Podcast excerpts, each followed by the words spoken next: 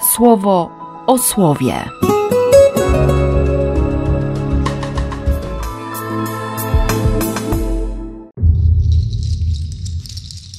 Piętnasty września, czwartek.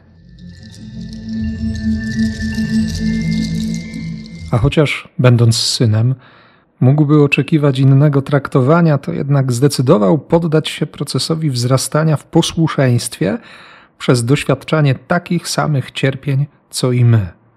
A gdy już został w pełni przygotowany do zadania, które miał wypełnić, stał się dla wszystkich, którzy są mu posłuszni, realizatorem dzieła ich wiekuistego zbawienia. Mógłby oczekiwać innego traktowania. Nowy przekład dynamiczny pięknie tłumaczy to, co Biblia Tysiąclecia podaje jako nauczył się posłuszeństwa. Dał z siebie wszystko.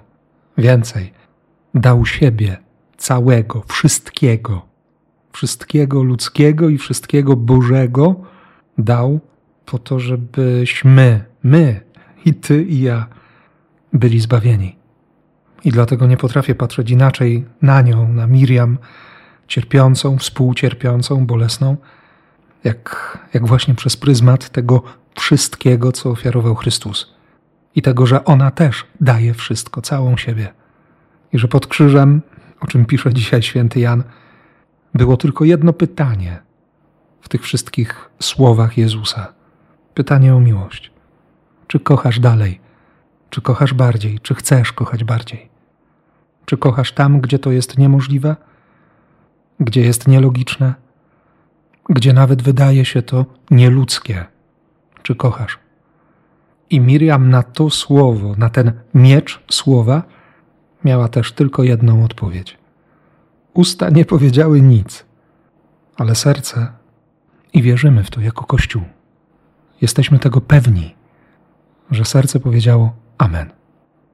Ona wierzy w tych momentach, w których ja nie potrafię wierzyć, i dlatego od samego rana towarzyszy mi takie przekonanie, że, że trzeba ją mocno chwycić za rękę i dać się poprowadzić.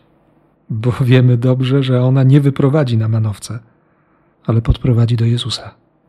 I na to również dzisiaj liczę.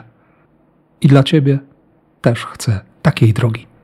Razem z nią, z Matką, dzisiaj współcierpiącą, bolesną. I na tę drogę błogosławię, jak tylko potrafię. W imię Ojca i Syna i Ducha Świętego. Amen. Słowo o słowie.